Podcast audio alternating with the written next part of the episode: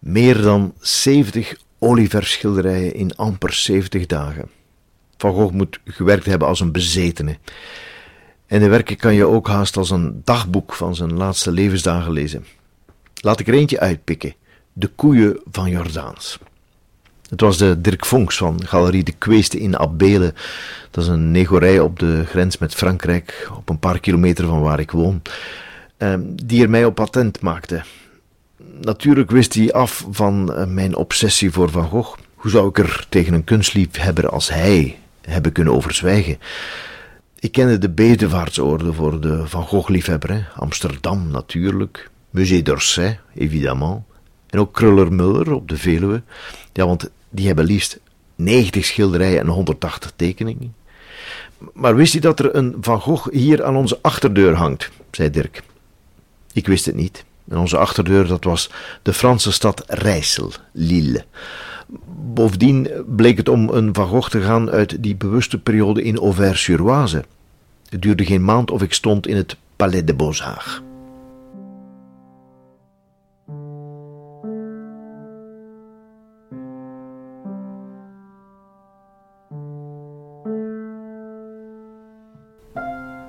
Ik was dus op zoek naar koeien.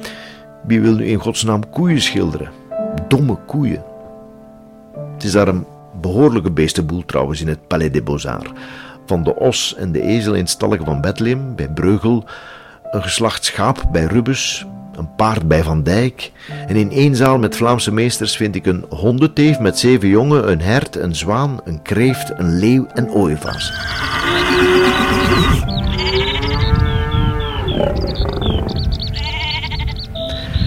En dan is er Jordaans met een gigantisch werk, de ontvoering van Europa, met weelderig vrouwelijk naakt en koeien, even volumineus en voluptueus als de vrouwen. Dat werd een beetje op de lachspieren, eh, alsof de vrouwen ook bij de afdeling fijne vleeswaren thuis horen. En dan duiken we stilaan de wereld van Vincent binnen. Er is Daubigny, die in Auvers woonde, recht tegenover het station, en hij schildert vier wadende koeien in de Oise. Er is een statig portret van uh, Dr. Gachet door Armand Gauthier, een portret van Émile Bernard, een reiselaar en uh, een van Vincents beste vrienden. Ook hij was uitgenodigd naar het atelier van het zuiden, maar hij stuurde zijn kat, een van de weinige beesten die je hier trouwens niet geschilderd ziet. En dan zijn ze daar, de koeien van Van Gogh. D'après Jordaans staat er. Dat klopt maar dan eigenlijk ook weer niet. Het origineel van Jordaans hangt en hing toen ook al in hetzelfde Palais de Beaux-Arts in Rijssel. Vincent is daar zeker niet geweest in die periode. En waarom zou je uit een kunstboek uitgerekend die vrijwel onbekende studie van vijf koeien van Jordaans kiezen, als hij voor de rest nooit iets van Jordaans heeft gekopieerd? Het antwoord is vrij simpel. Van Gogh heeft nooit het schilderij van Jordaans gezien. De missing link is Dr. Gachet. Die was zelf grafiekkunstenaar onder de artiestennaam Paul van Rijssel, eh, naar zijn geboortestad dus, in het Nederlands. En hij had Jordaans dus wel in het echt gezien en er een ets van gemaakt. En die hing bij hem aan de muur. En daar heeft dus Van Gogh zich op gebaseerd, niet op Jordaans zelf. Vandaar dat zijn koeien geen bonte koeien zijn, zoals bij Jordaans, maar rossen. Ros als een baard, ros als de kastelkoeien, die in de streek boven Rijssel zoveel werden gekweekt. En Vincent doet nog een interessante toevoeging, die je niet bij Jordaans en niet bij Van Rijssel Gachet ziet. In de rechterbovenhoek één vogeltje. Een solitaire vogeltje, een leeuwerik waarschijnlijk. Dat zijn zo'n eenzame vogeltjes. Het is een triest tafereeltje, want er is niet alleen dat vogeltje, er zijn ook die vijf schonkige koeien, domme runderen, die daar allemaal even alleen staan. Ze staan wel samen, maar, maar ze kijken allemaal een andere kant op. Hoe kan je meer droefheid en eenzaamheid uitdrukken dan met vijf stomme koeien?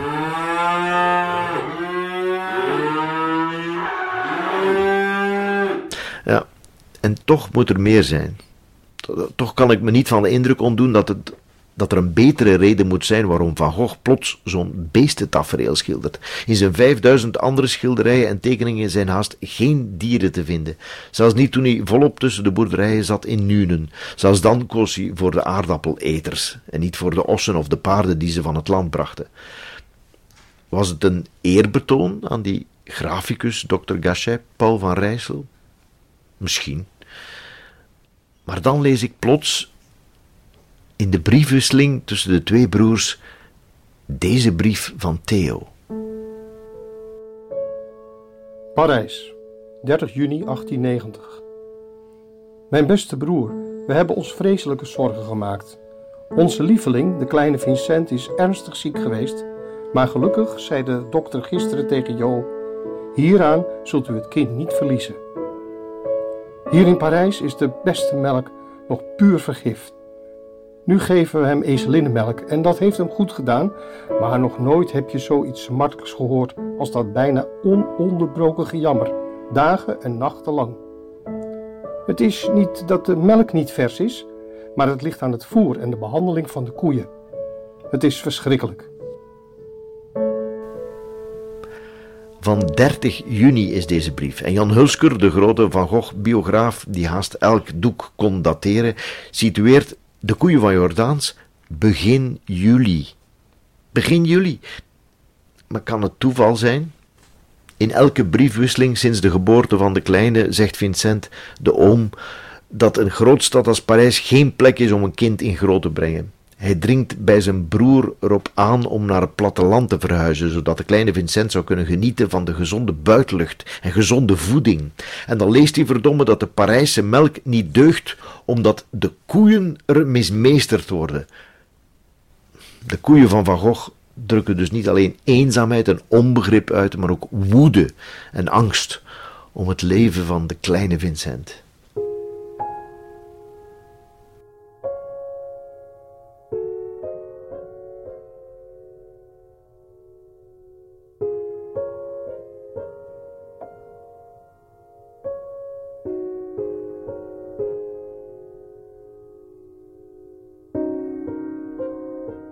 Ik reed terug naar huis. Als je even buiten Rijssel bent, duiken in het noorden de West-Vlaamse heuvels en de Mont des Flandres op. De Kemmelberg, de Zwarteberg, de Kasselberg. En ik moet denken aan de rosse koeien van Van Gogh. Het Vlaams rood ras dat vroeger hier zoveel werd gekweekt, noemen ze hier kasselkoeien. Alsof Van Gogh wist dat zijn doek ooit in deze streek zou belanden toen hij ze roodbruin schilderde. Aanschouwt mij hier en daar die bende kasselkoeien, die louter bruin van haar als zoveel blommen bloeien, in het gers en in de zon, die zinkend heen en tiet, die rood het rode veld vol rode vonken giet. Guido Gezelle, tijdgenoot van Van Gogh, die dichter die kon schilderen met woorden. Als ik voorbij Belle of Bayol de grens oversteek, zie ik paarden grazen op de flank van de Zwarte Berg. En ik denk aan dat liedje van Brassens uit die film over dat paard Ulysse dat Fernandel naar de arena van Arles moet brengen. Het is een oude knol die niet meer kan dienen voor het werk op het veld, maar om nog wat te dollen met een stier tot je een hoorn in de buik krijgt, dat kan nog wel. Maar de paardenknecht, gespeeld door Fernandel dus, krijgt het niet over zijn hart. En aan de poorten van Arles beslist hij om de stad niet in te trekken, maar om linksaf te gaan richting zuiden, richting Camargue, waar is een paard de vrije loop laat voor zo'n goede oude dag. Wat een beslissing! Genomen aan de poorten van Arles, precies op de plek waar het Maison Jaune van Vincent stond. Battu de soleil et de vent, perdu au milieu des étangs, on vivra bien content, mon cheval, ma Camargue et moi. par un joli matin d'été, quand le soleil vous chante au cœur, qu'elle est belle la liberté, la liberté. Quand ça n'est fini des malheurs, quand un ami sèche vos pleurs, qu'elle est belle la liberté, la liberté. Battu de soleil et de vent, perdu au milieu des étangs on vivra bien content, mon cheval, ma Camargue et moi. mon cheval, ma Camargue et moi. Georges Brassens. Misschien stel ik me wel vragen bij dingen die er niet toe doen. Hè. Een aantal Van Gogh-kenners betwijfelen of de koeien wel van Van Gogh zijn. Hè. Ze hebben sowieso twijfels bij heel wat van de werken die zijn toegewezen aan Van Gogh uit de periode Auvers-sur-Oise. Zeker als het over die uit de erven Gachet gaat. Vooral zoon Paul Gachet was uh, niet vies van geld en wist dat er verdomd veel te verdienen was met een Van Goghje meer of minder. Maar goed, de discussie over valse Van Goghs woedt al van dag één na zijn dood. Dus... Uh, Laten we die hier niet voeren. Wat wel waar is, is eh, dat het uh, Louvre vond dat de koeien beter niet naar een provinciaal museum als dat van Rijssel verhuisden, omdat l'œuvre ne rend pas suffisamment compte du génie de Van Gogh. Het werk geeft niet voldoende de genialiteit van Van Gogh weer. Dat kunnen we niet ontkennen natuurlijk. De vraag is echter of Van Gogh überhaupt een genie was. Een zwoeger, ja, een gedreven, nee, nee, een bezeten vroeter, die elke dag weer worstelde met de materie. Die schrijft... Gij weet niet hoe verlammend dat is, dat staren van een blank doek, dat tot de schilder zegt, gij kunt niets. Het doek heeft een idioot staren en biologeert sommige schilders zo dat ze zelf gek worden. Het is 1884 wanneer hij dit schrijft, vanuit Nuenen. In elke briefhaast die hij schrijft naar zijn broer twijfelt hij over zijn talenten, verlangt hij naar meesterschap. Het is keihard werken met de Bijbelgedachte in het achterhoofd. Gij zult uw brood eten in het zweet uws aanschijns. Elke dag zwoegen en zweten met een pak meesterwerken tot gevolg, ook al zag hij dat zelf maar zelden zo. Hij voelde zich als een haiku-prutser tegenover de sonnetdichter. Het is ook wel zwoegen om een goede haiku te maken, maar het blijven haiku's. Ik tel de letter grepen, maar 17 maakt nog geen goed gedicht. Voilà, perfect, 17 lettergrepen. Ik tel de letter 5 grepen, maar 17 maakt 7 nog geen goed gedicht 5. En toch lijkt het nergens op. Toen ik aan het manuscript van mijn boek over Van Gogh bezig was, mocht ik ook al eens een haiku plegen. En, ik begon overal lettergrepen te tellen. Eh, er was bijvoorbeeld dat onnozele liedje. En kijk, een haiku. Het is altijd lente in de ogen van de tandartsassistenten. 575 haiku, een ready-made. Het is altijd lente in de oren van de orkestdirigenten. Huppakee, makkelijk zat. Het is altijd lente in het kutje van de hogeschoolstudenten. Het is altijd winter in de bedstee van de oude impotenten. Het is altijd zomer in de boezem van de esthetica-docenten. Ach, ach. Flauw spelletje, hè? En ik maakte mezelf de bedenking in een haiku, jawel. Amadeus, ik, haiku-poëet ben ik niet een Salieri. Vincent voelde zich zo dikwijls een Salieri tegenover de schilderende Mozarts van zijn tijd? Courbet, Delacroix, Millet. En wat was hij hongerig en leergierig en belezen. Hij schreef goed, hij was geïnteresseerd in muziek en zocht connecties tussen al die verschillende kunstdisciplines. Ik weet niet of je het kunt begrijpen dat je poëzie kan maken alleen door kleuren goed te rangschikken, zoals men troostende dingen in de muziek kan zeggen. Waarom begrijp ik de muzikus beter? Waarom zie ik het bestaansrecht van zijn abstracties beter? Heb je dit gehoord? Eh, laat ik het nog maar eens afspelen. Een beetje trager misschien. Ik weet niet of je het kunt begrijpen dat je poëzie kan maken alleen door kleuren goed te rangschikken, zoals men troostende dingen in de muziek kan zeggen. Waarom begrijp ik de muzikus beter? Waarom zie ik het bestaansrecht van zijn abstracties beter? Als ik die zin woord voor woord beluister, dan, dan, dan raak ik opgewonden. En intriest ook. Poëzie maken door alleen maar kleuren goed te rangschikken. Wie is hier aan het woord? Mondriaan of wat? Van muziek ziet hij het bestaansrecht van zijn abstracties. Zijn abstracties. Is het Kandinsky die we hier horen praten? In een brief uit februari 1890 schrijft Vincent: Als ik maar zou durven mezelf nog wat meer te laten gaan, me nog wat meer te verwijderen van de werkelijkheid en een soort tonale muziek te maken met kleuren. Maar ach, de waarheid is me zo dierbaar. En dus ook iets waarachtigs maken. Weet je, ik denk dat ik voorlopig nog meer een schoenmaker ben dan een muzikant met kleuren. We gaan naar 27 juli 1890, het allerlaatste schilderij dat Vincent van Gogh schildert. De achtergrond is beige en bruin, hier en daar een groene toets, daarop kronkelige zwarte lijnen, blauw ingekleurd, hier en daar aangevuld met wat bolvormig groen. Mijn beschrijving is zo abstract omdat het doek ook zo abstract is. Toch, of moet ik zeggen helaas, kreeg het doek de titel Boomwortels. Dan begin je inderdaad iets te zien in die blauwe aders die door het doek lopen, boomwortels dus. We zijn juli 1890. Veertien jaar later zou Wassily Kandinsky nog een strandzichtje met strandcabines en strandstoelen schilderen. In 1905 zou Mondriaan nog een Turner-achtig poldertafereeltje met, met, met een bomenrij langs een kanaal schilderen. Zijn rode boom dateert van, van, van 1911. Dat is 21 jaar na de blauwe boomwortels van Van Gogh. Wie zei daar dat Van Gogh geen genie was? Hij stond op de rand van de ontdekking van de abstracte schilderkunst, maar bleef voorlopig gevangen in zijn hunker naar waarachtigheid. Tot op die 27 juli 1890, toen hij een echt abstract schilderij maakte. Een paar uur later schot hij zichzelf twee keer in de buik.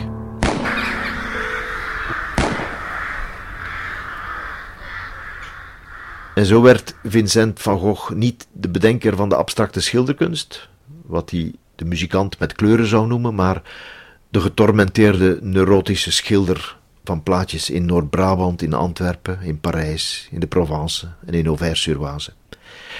En de schrijver van bijna 900 brieven, waarvan driekwart naar zijn broer Theo.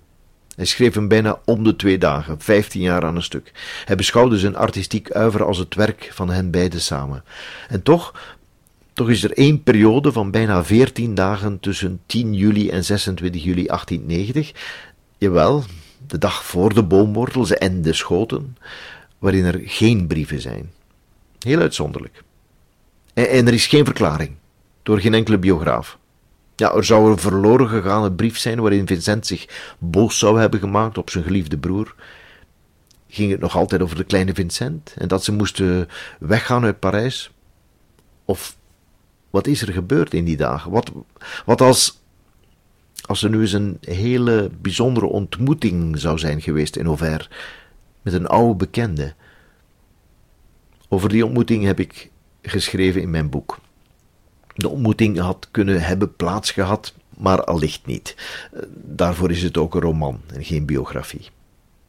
Het boek eindigt wel met zijn dood, maar gaat niet verder dan dat.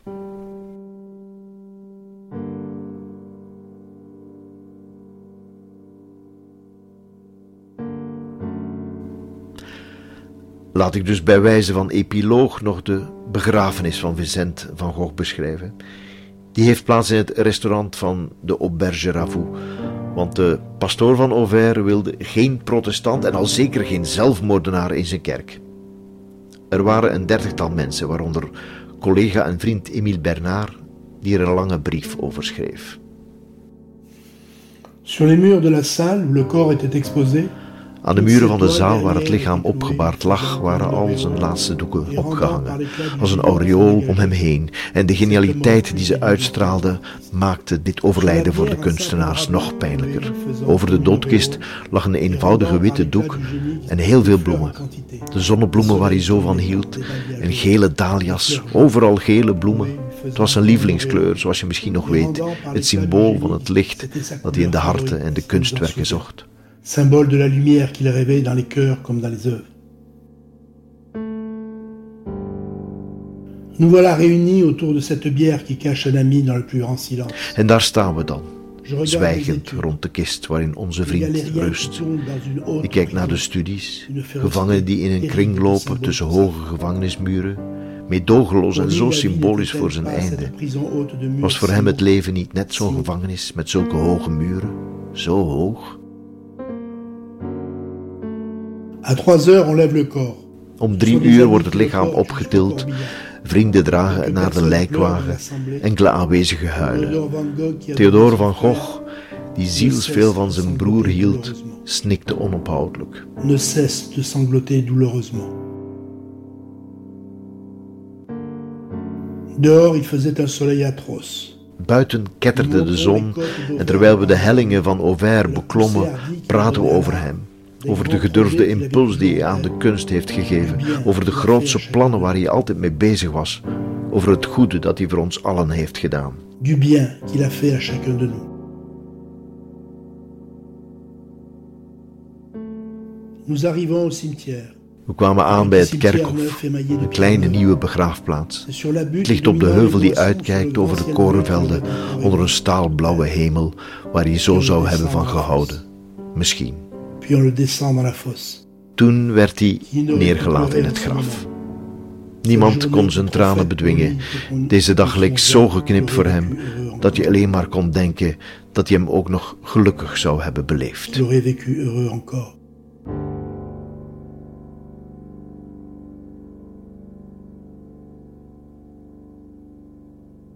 Niemand krijgt iets uit de krop. Theo is compleet verwoest, alleen Gachet probeert nog een grafrede uit te spreken, maar, maar ook die verzuipt grotendeels in tranen. Daarna gaat iedereen zijn gang, terug naar het station, enkele op hun eentje de velden in. Het kerkhof ligt op een steenworp van waar hij de korenvelden met kraaien schilderde.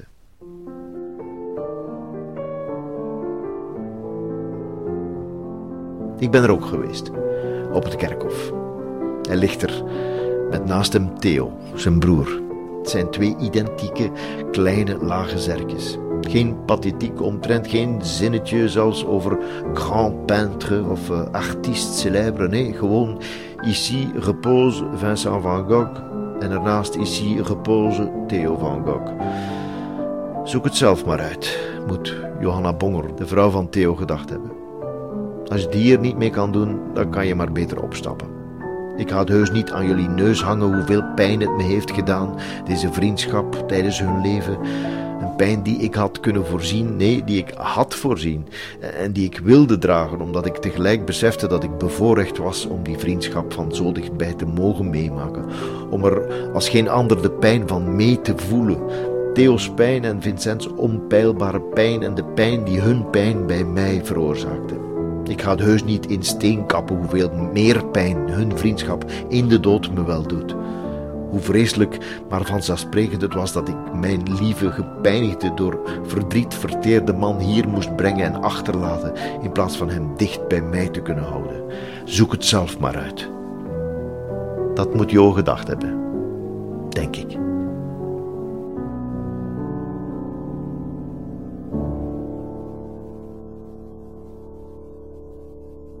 Zoek het zelf maar uit. Jij ook, luisteraar. Ik heb genoeg verteld. De rest heb ik geschreven omdat Van Gogh me niet losliet. Het komt en gaat in vlagen, maar het is goed gezelschap. Al zal de droefheid blijven duren. Ik wens je ook een Vincent toe.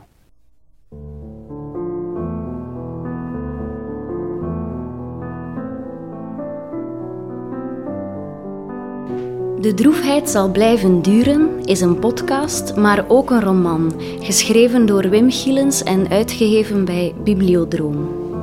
Het boek vertelt enerzijds het hedendaagse verhaal van een man die door een triest voorval in zijn gezin bezeten raakt door Van Gogh, en anderzijds het bijna historische verhaal van de laatste 70 dagen van Vincent van Gogh, die hij doorbracht in Auvers-sur-Oise.